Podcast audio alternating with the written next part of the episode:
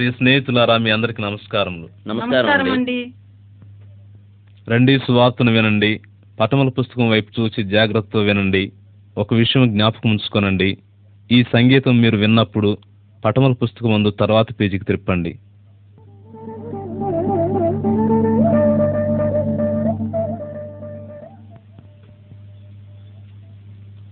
మొదటి పటము. ఆదిలో దేవుడు మాత్రమే ఉన్నాడు. మిగిలినదంతయు చీకటిమయమే.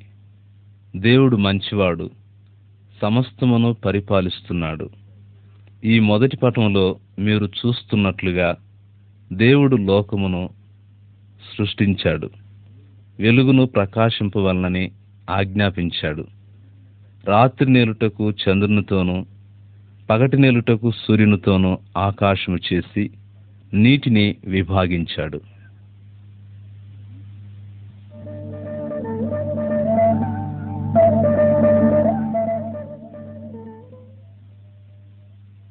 రెండవ పటము. ఈ పటములోని పుస్తకమునకు బైబిల్ అని పేరు. ఇది దైవ వాక్యము ఇది దేవుని గూర్చియు ఆయన యొక్క మార్గములను గూర్చియు మనతో చెబుతున్నది. దేవుడు ప్రజలందరినీ మిక్కిలి ప్రేమిస్తున్నాడు. మనము దేవుని నుండి వేరు చేయబడితిమి. అయితే ఆయనను తిరిగి కలుసుకున్నట్టి ఒకే మార్గమును బైబిలు బయలుపరుచున్నది. ఈ సత్యకథలన్నీ బైబిల్లోనివే.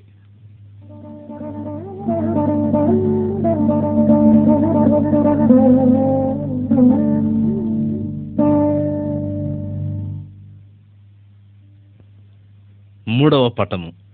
దేవుడు తన వాక్కు ద్వారా ప్రతిదీ మంచిగా చేశాడు. అవును ఆయన భూమిని పర్వతములను సముద్రమును నదులను కూడా చేశాడు. పిదప ఆయన జీవించు వాటిని చేశాడు. నీటి అందరి చేపలను గాలిలోని పక్షులను మృగములనన్నిటినీ చేశాడు. అవును తాను చేసిన దాన్ని అంతటిని గురించి దేవుడు ఆనందించాడు. ఎందుకంటే ప్రతిదీ ఎంతో మంచిగా నుండెను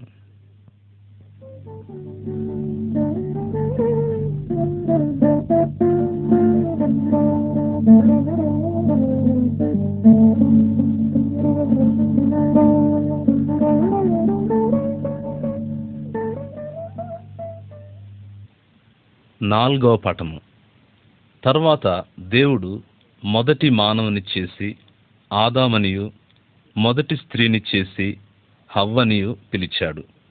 ఆయన చేసిన వాటన్నిటిపై అతనికి అధికారం ఇచ్చాడు వారు దేవుని స్నేహితులు. వారు నివసించిన తోటలో ఆయనతో మాట్లాడారు. ఎడమ ప్రక్క పటంలో ఏం చేస్తున్నారండి? ఒక ప్రత్యేకమైన వృక్షఫలము తప్ప ప్రతి ఫలమును తినవచ్చునని దేవుడు వారికి సెలవిచ్చాడు. వారు తినరాని ఫలమును భుజించి దేవునికి లోబడలేదు. వారు పాపము చేశారు. దేవునితో వారి సహవాసాన్ని పోగొట్టుకున్నారు. కుడి ప్రక్క పటంలో దేవుడు వారిని తోట వెలుపలికి పంపుచు ఎలా శిక్షించాడో చూస్తున్నారు. అప్పటి నుండి ప్రజలందరూ భోజనం తినుటకై కష్టించి పని చేయవలసి వచ్చును. మరియు శ్రమను వ్యాధిని మరణమును అనుభవింపవలసి వచ్చింది.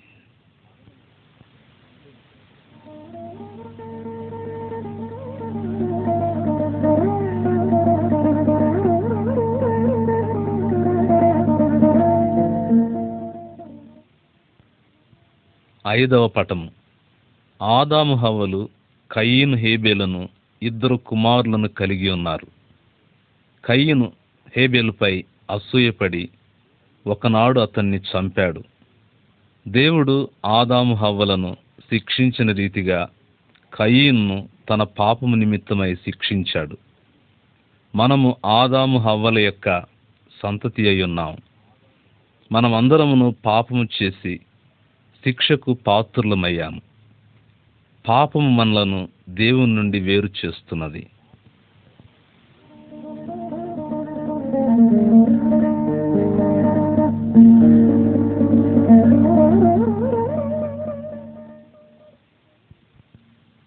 ఆరవ పటము అనేక సంవత్సరాలు గడిచాయి. ఆదాము యొక్క సంతతి కూడా పెరిగింది. వీరును దేవునికి అవిధేయులై పాపం చేశారు. ప్రజల పాపం ఎంత పెచ్చు పెరిగిందంటే దేవుడు వారిని జలప్రళయం ద్వారా నశింపు చేయుటకు తీర్మానించుకున్నాడు. దేవుని ప్రేమించి లోబడిన ఒక మనుషుడు మాత్రమే ఉన్నాడు. అతని పేరు నోవహు. నోవహు తానును తన కుటుంబమును రక్షింపబడినట్లు దేవుడు అతనితో ఒక పెద్ద ఓడను కట్టుమని చెప్పాడు. తాను ఓడను కట్టు సంవత్సరములన్నిటిలో నోవహు దేవుని నీతిని గూర్చి బోధించాడు. ప్రజలారా మీరు మారు మనసు పొంది మీ అవినీతి కార్యములు విసర్జించకపోతే దేవుడు మీ మీదకి జలప్రళయం రప్పించి మిమ్మల్ని సర్వనాశనం చేస్తాడు. చూడండి ఈ వెర్రివాణిని. ఆకాశములలో మేఘములు లేవు ఏమీ లేవు. జలప్రళయం వస్తుందట. ఏమి వెర్రి ఈయనకు? ఈయన మాటలు వింటే అయినట్లే మన పని.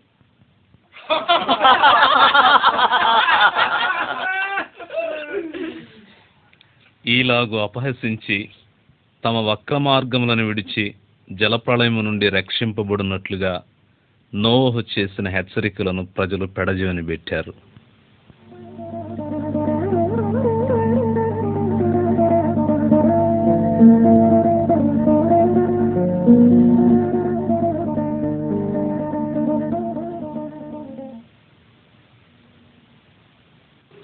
ఏడవ పటము దేవుడు ఆజ్ఞాపించిన రీతిగా నోవహు ప్రతి జాతి నుండి మృగములను పక్షులను ఓడలోనికి తెచ్చాడు.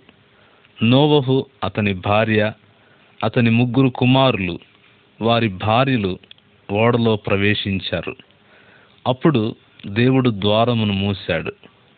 ఆయన భారమైన వర్షమును కురిపించాడు.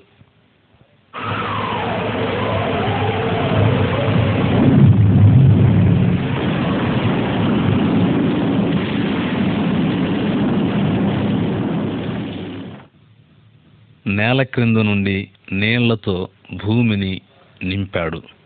తదితరులెవరును రక్షణ నందుటకు బహు ఆలస్యమాయను. ఓడలోని నోవహు ఆయన కుటుంబము క్షేమముగా ఉన్నారు గాని బయటనున్న వారందరూ మునిగిపోయారు.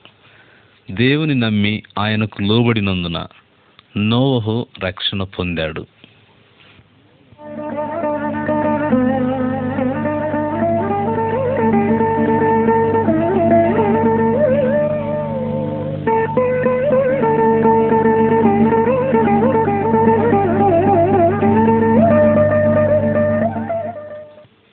పటము ఎనిమిది. అనేక సంవత్సరాలు గతించాయి. నోవహు సంతానం అనేక గోత్రాలుగా విస్తరించారు. అబ్రహాము దేవుని ప్రేమించి ఆయనకు లోబడ్డాడు. అతని సంతానం గొప్ప జనాంగం అవుతుందని దేవుడు అబ్రహాంతో వాగ్దానం చేశాడు. అబ్రహాము అతని భార్య శారాకు బిడ్డలు కలుగలేదు. అయినను వారు దేవుని వాగ్దానం నమ్మారు. వారు చాలా వృద్ధులైనప్పుడు వారికి ఒక కుమారుడు పుట్టాడని అతనిని ఇస్సాకని వారు పిలిచారనియు ఈ పటంలో చూస్తాము. అబ్రహాము ఇస్సాకులు లోకమును రక్షించుటకు వచ్చిన యేసుక్రీస్తు యొక్క పూర్వీకులు.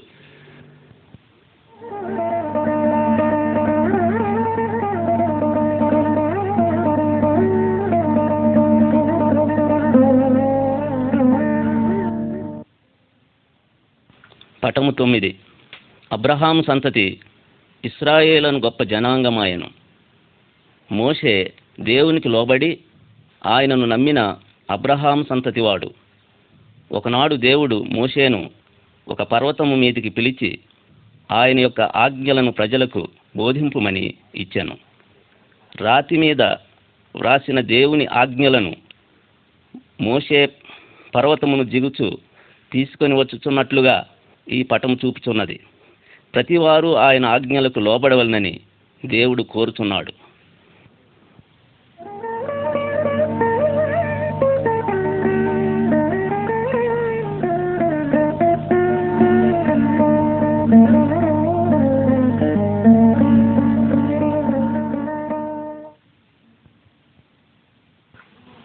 పటము పది. దేవుడు మోషేకి ఇచ్చిన ఆజ్ఞలలో కొన్ని ఇక్కడ ఉన్నవి. అవి ఒకే నిజదేవుని ప్రేమించి లోబడవలనని బోధించుతున్నవి. పైనున్న ఎడమ పటము దేనిని వివరిస్తున్నదండి? మనము విగ్రహములను లేక మృగముల ప్రతిమలను లేక ఇతర వస్తువులను పూజింపరాదని వివరించుచున్నది సృష్టికర్త అయిన ఒకే దేవుని మనము ఆరాధింపవలెను. తర్వాత పటము. తండ్రి తల్లి బిడ్డలు కలిసి దేవుని ఆరాధించుతున్నారు. ప్రజలందరూ వారములో ఒక రోజును ఆరాధనకు ప్రత్యేకింపవలెను. తర్వాత పటము ఏమి చెప్పుచున్నదో? పిల్లలు వారి తల్లిదండ్రులకు లోబడి వారిని గౌరవించవలెను. క్రింద ఎడమ వైపునున్న పటములో ఏమున్నదండి? మనము నరహత్య చేయరాదని దేవుని ఆజ్ఞ చెప్పుచున్నది. తర్వాత పటంలోనూ? ఇతర వ్యక్తి యొక్క భార్యను మనము తీసుకొనకూడదు. చివరి పటములో ఏమున్నదో వివరింపగలరా? మనము ఇతరుల సామగ్రిని దొంగిలరాదు ఆశింపరాదు. ఆయన ఆజ్ఞలను నెరవేర్చవలెనని దేవుడు ఆజ్ఞాపిస్తున్నాడు.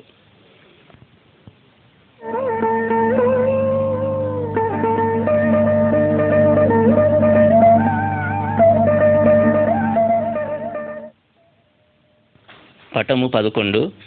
ఒక మనుష్యుడు దేవుని ఆజ్ఞలను మీరుట ద్వారా పాపం చేసినప్పుడు అతడు ఒక మేకపిల్లను అర్పణగా అర్పింపవలెను.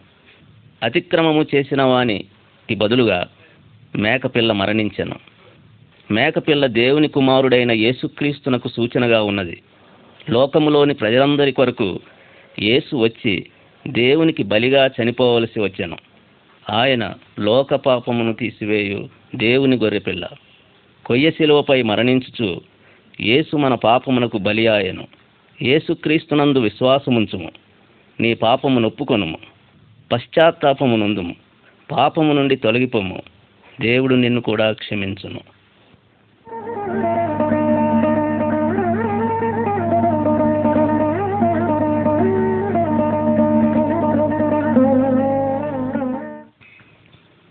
పటము పన్నెండు.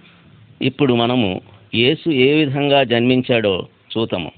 చాలా కాలం క్రిందట దేవుడు ఒక రక్షకుని పంపుటకు వాగ్దానం చేశాను ఎడమ వైపుననున్న పటంలో ఒక దూత యవనురాలైన మరియాను స్త్రీనొద్దకు పరలోకం నుండి వచ్చినట్లు చూడగలము. మరియా కన్యక యోసేపుకు ప్రధానము చేయబడెను. దేవుని ఆత్మ ఆమె మీదికి వచ్చుననియు ఆమె గర్భవతి అగుననియు దూత ఆమెతో చెప్పెను. మరియా భయపడకుము. ఇదిగో నీవు గర్భము ధరించి కుమారుని కని ఆయనకు యేసు అను పేరు పెట్టుదువు. ఆయన గొప్పవాడై సర్వోన్నతుని కుమారుడనబడును. ఇదిగో ప్రభువు దాసురాలను నీ మాట చొప్పున నాకు జరుగునుగాక. కుడివైపుననున్న పటములో నీవు చూచినట్లుగా దూత యోసేపునకు సహితము కలలో ప్రత్యక్షమై మాట్లాడెను. యోసేపు మరియను నీ భార్యగా స్వీకరించుటకు భయపడవద్దు. దేవుని పరిశుద్ధాత్మ శక్తిని బట్టి ఆమె గర్భవతి ఆయను అతనికి యేసు అను పేరు పెట్టుదువు.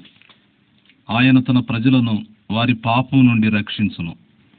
దూత చెప్పినట్లుగా యోసేపు దేవుని మాటకు విధేయుడయ్యాను.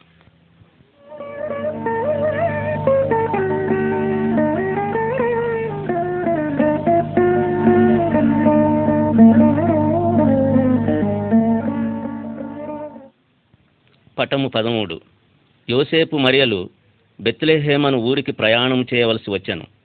పట్టణమంతయు ప్రజలతో నిండినందున వారికి స్థలము లేకపోయాను. వారు ఒక పశుల పాకలో ఉండవలసి వచ్చాను. అప్పుడు మరియ యేసు బాలుని కనెను. ఆ రాత్రి ఒక దూత కొందరు గొల్లలు దగ్గర పొలంలో మందలను కాయుచుండగా కనబడెను. అతడు వారితో బెత్లెహేములోని యేసు యొక్క జన్మను గూర్చి ఈలాగు తెలిపెను. భయపడకుడి. ఇదిగో ప్రజలందరికీ కలుగుబోవు మహా సంతోషకరమైన స్వర్తమానము నేను మీకు తెలియజేస్తున్నాను దావీదు పట్టణమందు నేడు రక్షకుడు మీ కొరకు పుట్టి ఉన్నాడు. ఈయన ప్రభు అయిన క్రీస్తు. అప్పుడు అనేక మంది దూతలు ఆకాశములో అగపడి దేవునికి స్థుతులను పాడుచుండిరి. అంతటా ఆ గొల్లలు రక్షకుని దర్శించుటకు వెళ్ళిరి.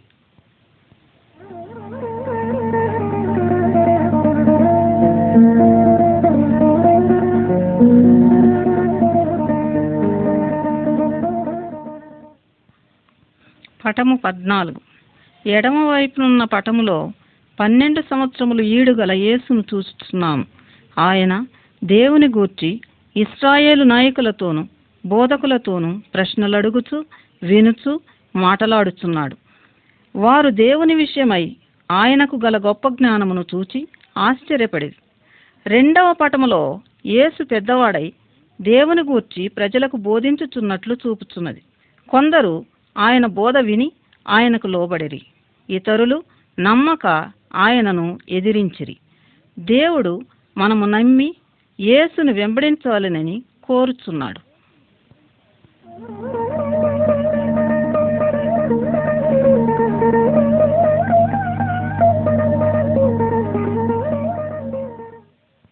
పటము పదిహేను. ఈ పటములు యేసు గొప్ప శక్తితో అద్భుతములను చేయగలడని చూపుచున్నవి ఎడమ వైపుననున్న పటములో యేసు పుట్టుగ్రుడ్డి అయిన వానిని తాకినట్లును అతడు దృష్టి పొందినట్లును చూచుచున్నాము మధ్యనున్న పటము చనిపోయిన బిడ్డ యొక్క తల్లిదండ్రులు చూచుచుండగా ఆ బిడ్డను లేపినట్లు ప్రదర్శించుచున్నది. చివరగా యేసు నీళ్ళ మీద నడిచినట్లు చూడగలం. వెలుపల వారి యొక్క దోనెలోని తన యొక్క శిష్యుల యొద్దకు ఆయన వెళుచున్నాడు ప్రభువైన యేసు తాను దైవపుత్రుడని చూపుటకు ఈలాంటి అనేక అద్భుతములను చేసెను. యేసు యొక్క శక్తి మనకు సైతము తోడ్పడగలదు.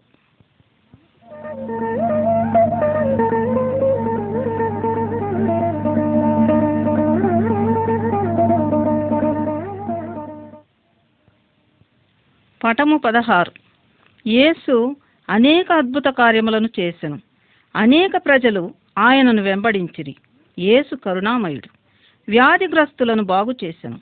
దైవ మార్గమును బోధించెను. తప్పిపోయిన పాపపు ప్రజలను రక్షించుటకై ఆయన వచ్చెను. అయినను వారు పాపులని ఆయన చెప్పినప్పుడు దుష్ట ప్రజలు ఆయనను ద్వేషించిరి. ప్రజల నాయకులు యేసు మీద అసూయపడిరి. వారు యేసు దైవకుమారుడని నమ్మలేదు. వారు ఆయనను బంధించిరి. ఆయనపై అబద్ధ సాక్ష్యము పలికి ఆయనను కొట్టిరి. వారు ఆయన తలపై ముండ్ల కిరీటమునుంచిరి ఉమ్మి వేసిరి అపహసించిరి. అయితే యేసు వారిని ఎదిరించలేదు. ఇట్లు ఆయనకు జరుగునని ఆయన ముందుగానే ఎరిగి ఉన్నాడు ఆయనను దుష్ట ప్రజలు హింసించి చంపుటకు ఆయన అంగీకరించెను. ప్రజలందరి పాపముల యొక్క శిక్షను తీసివేయుటకును దేవునికి బలిగా మరణించుటకును ఆయన వచ్చియుండెను.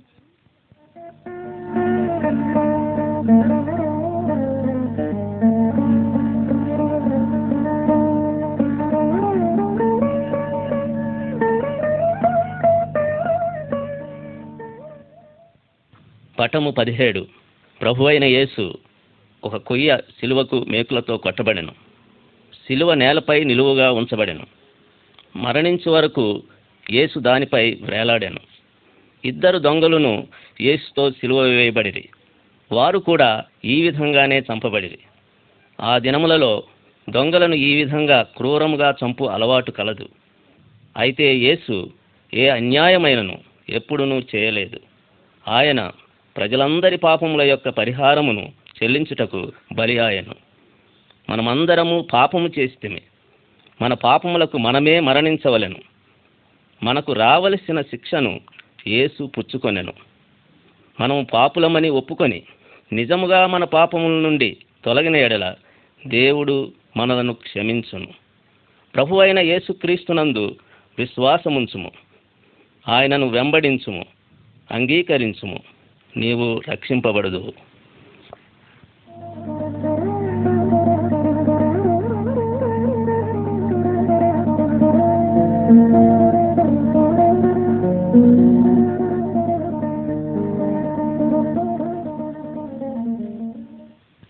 పటము పద్దెనిమిది.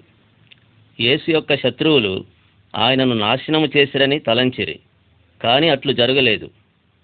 యేసు మరణమైన తరువాత అతని స్నేహితులు ఆయన యొక్క మృతదేహమును ఒక గుహలో పెట్టిరి. ఆ గుహద్వారమును ఒక పెద్ద రాయితో మూసిరి. రెండు దినములు గడిచిపోయాను. మూడవ నాడు యేసు మరణమును జయించి లేచెను. కొందరు స్త్రీలు సమాధి వద్దకు వచ్చినప్పుడు రాయి దొర్లింపబడి ఉండుటయు యేసు వెళ్ళిపోయి ఉండుటయు కనుగొనిది ఇద్దరు దూతలు అచ్చట ఉండి యేసు జీవించి ఉన్నాడని వారితో చెప్పిరి. సజీవుడైన వారిని మీరెందుకు మృతులుగా వెతుకుతున్నారు ఆయన ఇక్కడ లేడు. ఆయన లేచి ఉన్నాడు.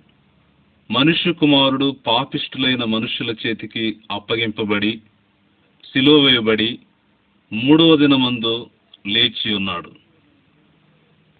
యేసు మృతులలో నుండి లేచినప్పుడు ఆయన దేవుడని రుజువుపరచెను. నేడును యేసు ఇంకా జీవించుచున్నాడు. సాతాను కంటెను మరణము కంటెను ఆయన శక్తిమంతుడు.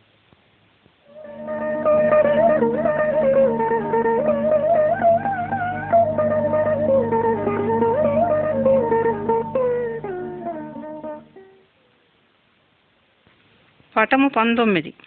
యేసు మరణం నుండి లేచిన తర్వాత అనేక మంది స్నేహితులు ఆయన్ను చూచారు. ఆయనతో మాట్లాడారు. భోజనం చేశారు. తోమ యేసు శిష్యుల్లో ఒకడు. యేసు తిరుగు జీవించుచుండెనని అతడు నమ్మలేదు. ఆయన చేతుల్లోని చీలల గాయాలు తాకి చూచే వరకు నేను నమ్మనే నమ్మను. ఈ పటములో యేసు తోమాకు తన చేతులలోని గాయములను చూపుతూ ఉన్నట్లు గమనిస్తున్నాం. తోమాకు ఇక ఏ సందేహమును లేదు. అతడు యేసు ఎదుట సాష్టాంగపడ్డాడు. నా ప్రభువా నా దేవా. తోమా నీవు నన్ను చూచి నమ్మితివి చూడక నమ్మిన వారు ధన్యులు.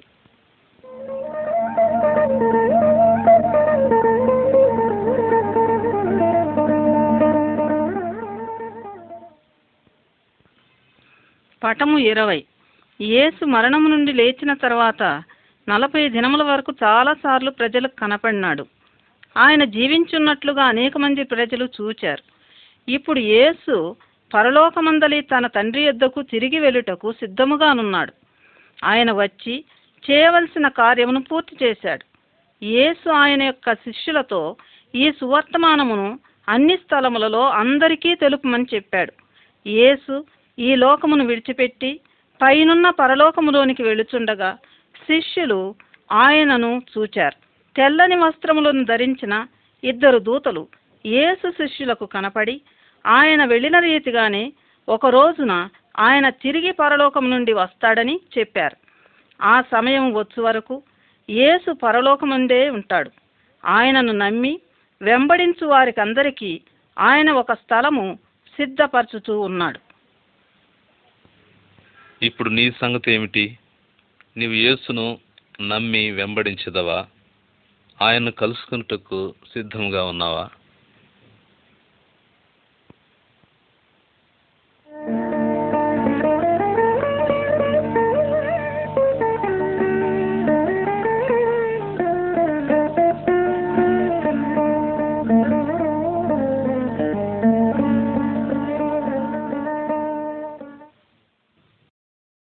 పటము ఇరవై ఒకటి.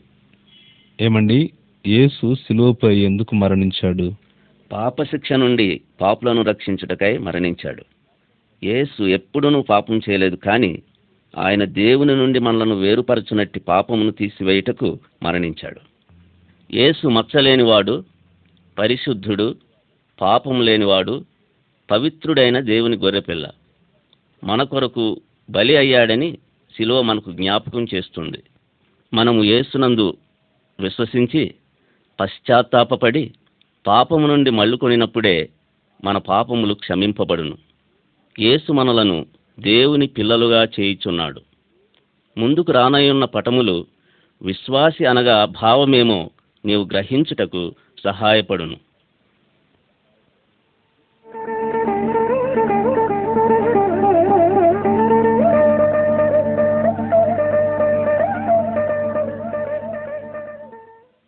పటము ఇరవై రెండు. యేసు రెండు మార్గములున్నవని బోధించాడు. ఏమండి? ఈ విశాలమైన మార్గం ఏమిటి అది నాశనము అగ్ని నరకములకు దారితీసే విశాల పాప మార్గము ఆ మార్గమునందు ప్రతివాడు పుట్టుక నుండి ఉన్నాడు. ఆదాము నుండి మనమందరము పాప స్వభావమును నాకు వారసులమై ఉన్నాము మరో మార్గం ఏమిటండి యేసు పరలోకమందలి దేవుని యొద్దకు నడిపించే ఇరుకు మార్గమున ప్రవేశించమన్నాడు. ఒక వ్యక్తి ఈ జీవితంలో యేసునందు విశ్వసించి ఆయనను వెంబడించిన ఎడల అతడు నిత్య జీవమును పొందును. అతడు విశాల మార్గము నుండి తొలగిపోయి పరమునకు నడుపు ఇరుకు మార్గమున ప్రవేశించును. ఇరుకు మార్గమందున్న వారికి తీర్పు లేదు. ఇష్టమున్నచో నీవు యేసును వెంబడించుటకు నిశ్చయించుకున్నచో దేవునితో ఇలాగూ ప్రార్థించుము. దేవా నేను పాపినని ఒప్పుకొనుచున్నాను. యేసు నా పాపముల కొరకు శిలువపై రుణాన్ని చెల్లించి మరణించినని నమ్ముచున్నాను. నన్ను క్షమించి నా హృదయాన్ని శుద్ధి చేసి నీ కుటుంబంలో ఒకనిగా చేయుము. యేసు యొక్క జీవిత మార్గాన్ని నేను వెంబడింపగోరుచున్నాను. మరణించిన పిదప నీతో పరమందు జీవింతును. దేవా నీకు వందనములు. ఆ విధంగా నీవు నిష్కల్మషముగా నమ్మి ప్రార్థించి దేవునితో మాట్లాడిన ఎడ్ల నీవు ఇరుకు మార్గమును ప్రవేశింతు. అది సమాధాన సంతోషములకు మార్గము.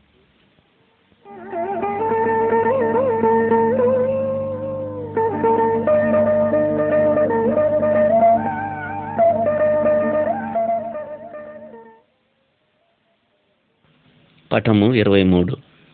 ఈ ప్రజలందరూ యేసునొద్దకు ఎందుకు వస్తున్నారండి? యేసు ప్రతి జాతి నుంచి ప్రతి ప్రజ నుంచి ప్రతి భాష నుంచి ప్రజలను ఆహ్వానిస్తున్నాడు. వారు ఆయనను నమ్మి ఆయన పిల్లలయ్యారు. వారు పరలోకమునకు వెళ్ళినట్టి ఇరుకు మార్గమందున్నారు దేవుని పిల్లలందరూ ప్రభుయేసునందు ఐక్యత కలిగి ఒకే కుటుంబము వలె ఉన్నారు.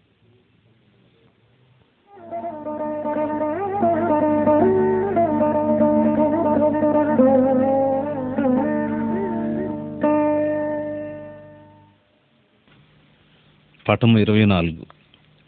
ఓహో ఇతడు నికోదయమై ఉండాలి. అవును ఇతడు మతబోధకుడైన నికోదయం. ఒక రాత్రి ఇతడు దేవుని గురించి ఎక్కువగా తెలుసుకున్నటకై యేసు దగ్గరకు వచ్చాడు. దేవుని కుటుంబమునకు చెందు ప్రతివానికి నూతన జీవము అవసరమని యేసు ఇతనితో అన్నాడు. అది తిరిగి జన్మించినట్లున్నది. మనలను మనమే మార్చుకున్నటకు మనకు శక్తి లేదు. మనము యేసును నమ్మి ఆయనను వెంబడించినప్పుడు దేవుని పరిశుద్ధాత్మ క్రొత్త జీవమును మనకు ఇచ్చును. మనము దేవుని ప్రజలము క్రొత్త వారము అవుతాం.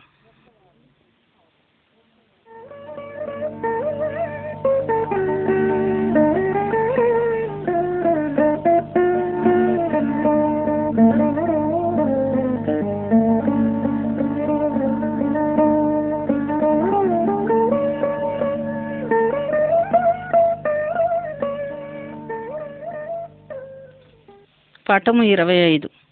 ఈ మనుష్యులు యేసు యొక్క శిష్యులు. యేసు పరలోకమునకు వెళ్ళినప్పుడు ఆయన వారికి తన యొక్క పరిశుద్ధాత్మ వరమును పంపెదనని వాగ్దానం చేశాడు. పది దినములైన తర్వాత యేసు తిరిగి పరమునకు వెళ్ళాడు. శిష్యులందరూ కలిసే ఉన్నారు. హఠాత్తుగా ఆయన వాగ్దానం చేసిన రీతిగా దేవుని పరిశుద్ధాత్మ వచ్చి వారిని నింపివేశాడు. దేవుడు చేసిన ఆశ్చర్యకరమైన సంగతులను ఇతరులతో చెప్పుటకు వేర్వేరు భాషల్లో మాట్లాడుటకు శిష్యులకు శక్తి ఇవ్వబడింది. దేవుని పరిశుద్ధాత్మ నిజ విశ్వాసులందరిలో నివసిస్తాడు. యేసు ప్రేమించుటకు లోబడుటకు వారికి శక్తినిస్తాడు.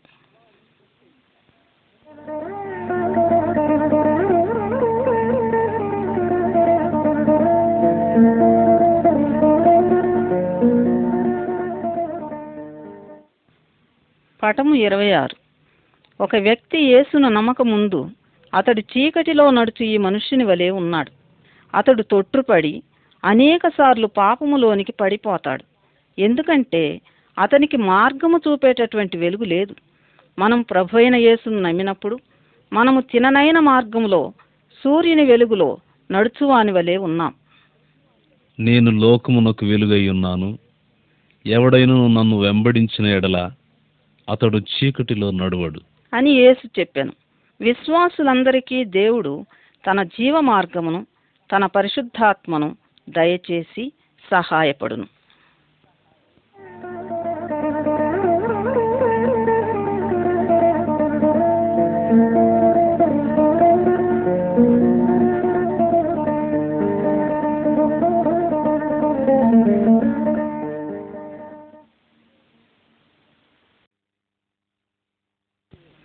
పటము ఇరవై ఏడు. ఒక విశ్వాసి యేసుక్రీస్తులో ఒక నూతన వ్యక్తి. అతడు దేవుని వాక్యమునకు లోబడతాడు. దేవుడు తన పాపములను క్షమించినని కృతజ్ఞత కలిగి ఉంటాడు. విశ్వాసి వ్యభిచారం చేయడు పోట్లాడడు దొంగతనం చేయడు ఇతర దేవతలను పూజించడు.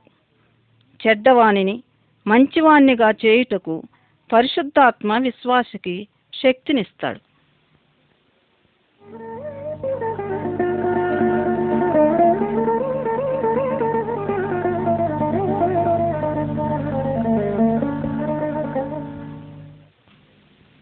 పటము ఇరవై ఎనిమిది. దేవుని మార్గమున నడుచుచున్న ఈ కుటుంబమును చూడుము. దేవుని వాక్యము ఆజ్ఞాపించు రీతిగా ఈ మనుష్యుడు తన భార్యను ప్రేమిస్తున్నాడు. స్త్రీ తన పెనిమిటిని గౌరవించును. వారు ఒకరితో ఒకరు సహకరిస్తారు. వారి బిడ్డలను దేవుని ప్రేమలోను ఆయన వాక్యమునకు లోబడినట్లును పెంచుదురు. క్రైస్తవ కుటుంబము ప్రార్థిస్తూ దేవుని కొరకు కలిసి పనిచేయాలి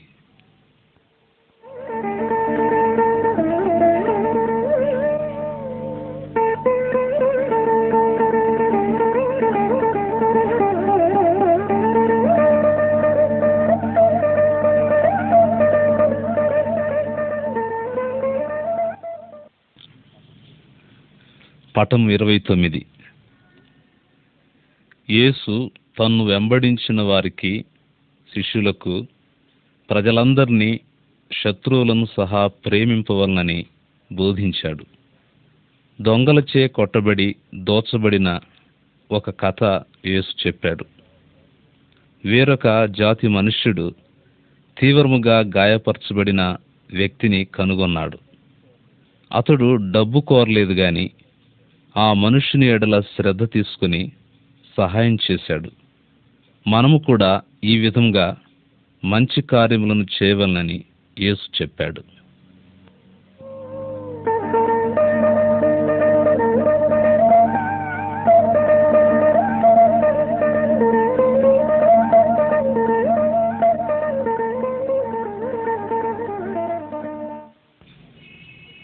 పటము ముప్పై. ఈ మంటలో ఏమిటండి వీరు కాల్చివేసేది? ఈ మనుషులు విగ్రహములను తాయెత్తులను కాల్చివేస్తున్నారు. వారు యేసును విశ్వసింపక మునుపు పూర్వం వీనిని విశ్వసించారు.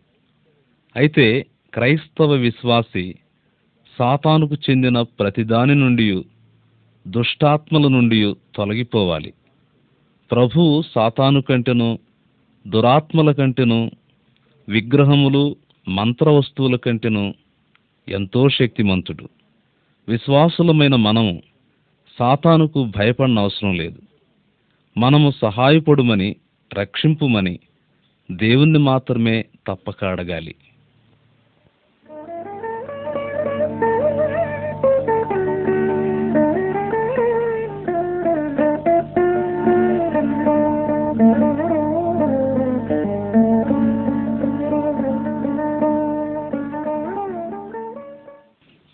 పటము ముప్పై ఒకటి. అబ్బో ఈ మనుష్యుడు దురాత్మలచే పీడింపబడుతున్నట్టున్నాడే అవును ఆ పటములో దురాత్మలచే నిండిన ఒక మనుష్యుని చూస్తున్నారు. అతనిని త్రాళ్ళతోనూ సంకెళ్ళతోనూ ఎవరినూ బంధింపలేకపోతున్నారు. ఎందుకనగా దురాత్మలు దయ్యాలు అతనిలో చాలా బలంగా ఉన్నవి. యేసు దురాత్మలను బయటికి రమ్మని ఆజ్ఞాపించాడు. అవి అలాగే బయటికి వచ్చినవి. ఆ మనుష్యుడు స్వస్థత పొందాడు. అతడు యేసు చేసిన పనిని తెలియజేయడానికి తన స్నేహితుల యొద్దకు వెళ్ళాడు. యేసునకు దురాత్మల కంటే శక్తి ఉన్నది. సాతానును దురాత్మలను యేసునకు లోబడవలెను. ఇష్టమునచో నీవు దురాత్మలచే బంధింపబడినట్లయితే ఇతర విశ్వాసులు నీ కొరకు ప్రార్థింపమని అడుగుము. శక్తిమంతుడగు ప్రభుయేసు వాని నీలో నుండి పంపివేయును. మనము యేసుకు లోబడి ఆయన్ను ప్రేమించిన ఎడల ఆయన మనలో నివసిస్తాడు. ఆయన శక్తి మనల్ని కాపాడుతుంది. సాతానుడు మనకు ఏ హాని చేయలేడు.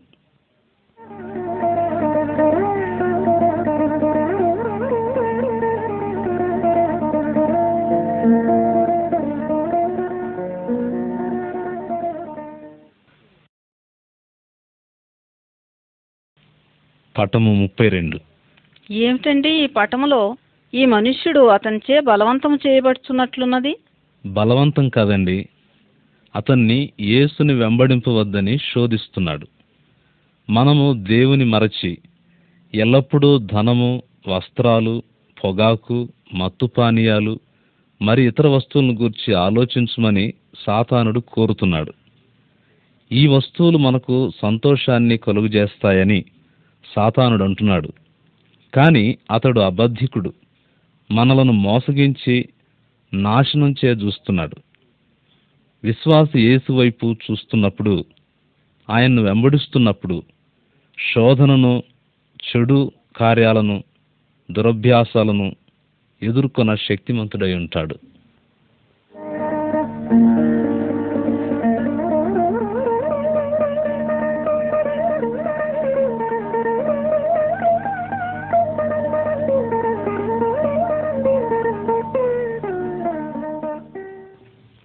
పటము ముప్పై మూడు యేసు దేవుని ప్రేమను వివరించుటకు ఈ కథను చెప్పాడు.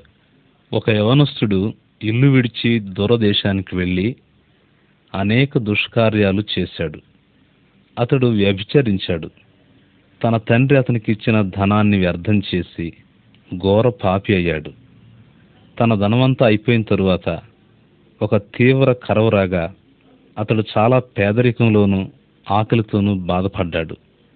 తండ్రి అతన్ని ఎక్కువగా ప్రేమించినందున అతడు తిరిగి రాగానే ఆ యవనస్తుని తండ్రి చేర్చుకున్నాడు. దేవుడు మనలను ఆ రీతిగానే ప్రేమించుతున్నందున ఆయన మన పాపమును క్షమించి మనలను మరలా తన బిడ్డలనుగా స్వీకరిస్తాడు.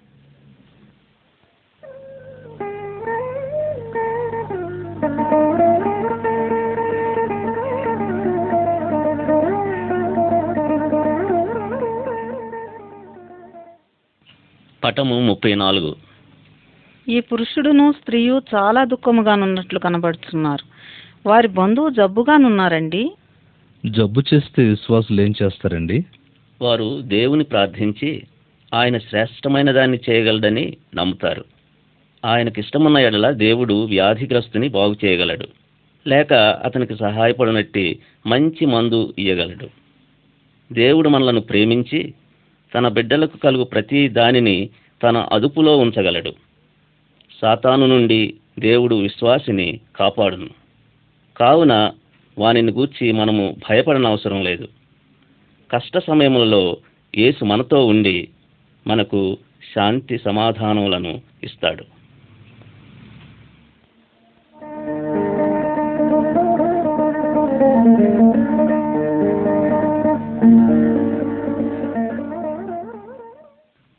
పటము ముప్పై ఐదు. మనమందరము ఒక రోజు చనిపోతామని తెలుసు. కానీ మనం చనిపోయినప్పుడు ఏం జరుగుతుందండి? ఒక విశ్వాసి మరణించినప్పుడు అతని ఆత్మ క్రీస్తుతో ఉండుటకు వెళ్ళును. బైబిలు మనము యేసుతో నుండుటకు వెళ్తామని చెప్పుచున్నది. అతని స్నేహితులు దుఃఖము వలన బాధపడరాదు. మరణమన్నా మనము భయపడరాదు.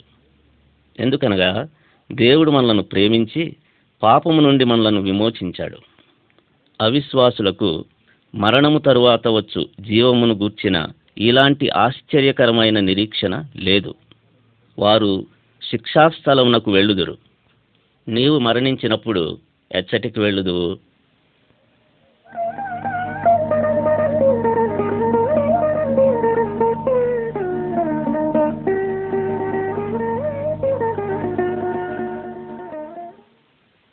పటము ముప్పై ఆరు.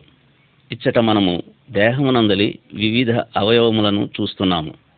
దేహమునందు ప్రతి భాగమునకు దాని యొక్క సొంత పని ఉన్నది.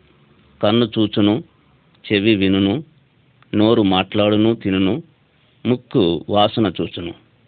దేహం యొక్క అవయవములన్నీ కలిసి పనిచేయును.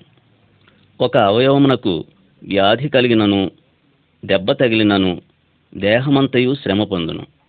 అవును. విశ్వాసులందరూ అనగా సంఘం ఒకే శరీరమని దేవుడు అంటున్నాడు కదా. యేసు శరీరానికి శిరస్సు. ప్రతి విశ్వాసికి సేవ చేయుటకు దేవుడు ఒక పనిని నిర్ణయించి ఉన్నాడు. ఉదాహరణంగా ప్రసంగించుట పాడుట బోధించుట వ్యవసాయము చేయుట వంట చేయుట మొదలైనవి. ప్రతివాడును దేహమంతయు బలముగా నుండునట్లు ప్రభు యేసు కొరకు పనిచేయాలి అందరూ విశ్వాసులను ఒకరినొకరు ప్రేమింపవలెను కలిసి పనిచేయవలెను లేనిచో క్రీస్తు శరీరము బాధపడును.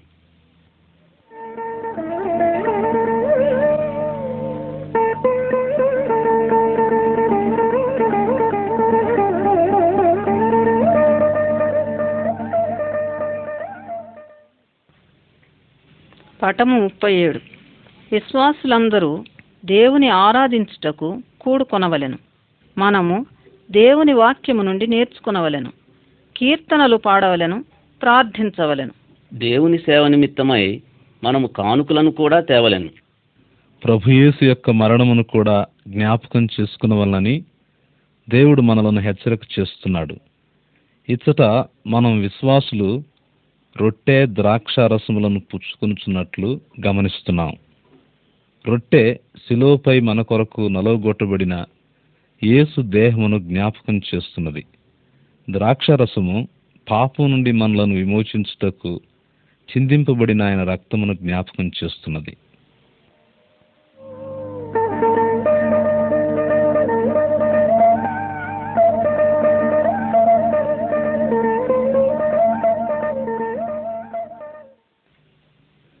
పటము ముప్పై ఎనిమిది. ఒకానొక దినమున ప్రభుయేసు ఆకస్మికముగా తాను వాగ్దానం చేసిన రీతిగానే పరలోకం నుండి తిరిగి వస్తాడు. నిజ విశ్వాసులందరినీ చేర్చుకునుటకు ఆయన వస్తాడు. మరణించిన దేవుని ప్రజలందరినీ యేసు లేపుతాడు.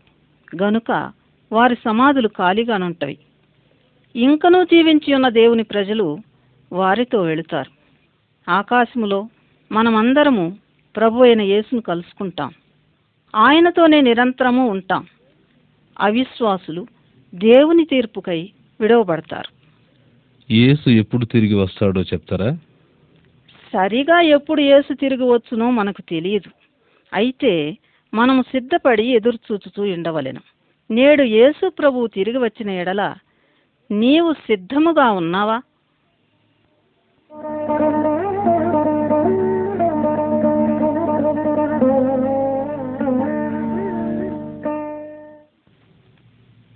పటము ముప్పై తొమ్మిది. ఈ పటములోనున్న ఫలవృక్షము ఫలములనిచ్చు రీతిగా ఒక విశ్వాసి ఆత్మఫలములను ఉత్పత్తి చేయును.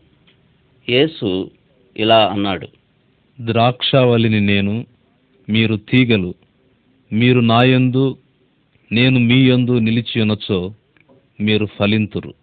దేవుని పరిశుద్ధాత్మ మనయందు జీవించి ఉండి పనిచేసి ప్రేమ సంతోషము సమాధానము నెమ్మది దయాళుత్వము మంచితనము విశ్వాసము వినయము ఆశానిగ్రహములను జనింపచేయును. చెట్టు యొక్క కొమ్మలు ఫలమును ఫలించని ఎడల అవి నరికివేయబడును కాల్చివేయబడును. యేసును వెంబడించువారు అధిక ఫలము ఉత్పత్తి చేయవలెను. ఇది మన పరలోకపు తండ్రి అయిన దేవుని మహిమపరచును.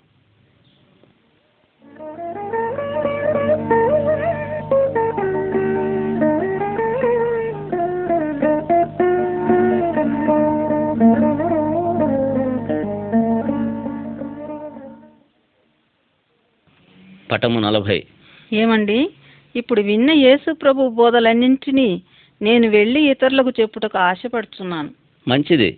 విశ్వాసులందరూ వెళ్ళి ఇతరులకు వారి పాపముల నుండి నరకము నుండి రక్షింపబడగలరని ఈ ఆశ్చర్యకరమైన వర్తమానమును చెప్పవలనని యేసు ఆజ్ఞాపించాడు. ఈ పటములో ఒక విశ్వాసి యేసుకు లోబడి ఆయనను గూర్చి ఇతరులకు చెప్పుట చూస్తున్నారు. క్రీస్తు కొరకు సాక్ష్యమిచ్చుటకు దేవుని పరిశుద్ధాత్మ మనకు తోడ్పడును. ఈ పటముల పుస్తకము నుండి నీవు నేర్చుకునిన దానిని నీవు ఇతరులకు వివరింపుము.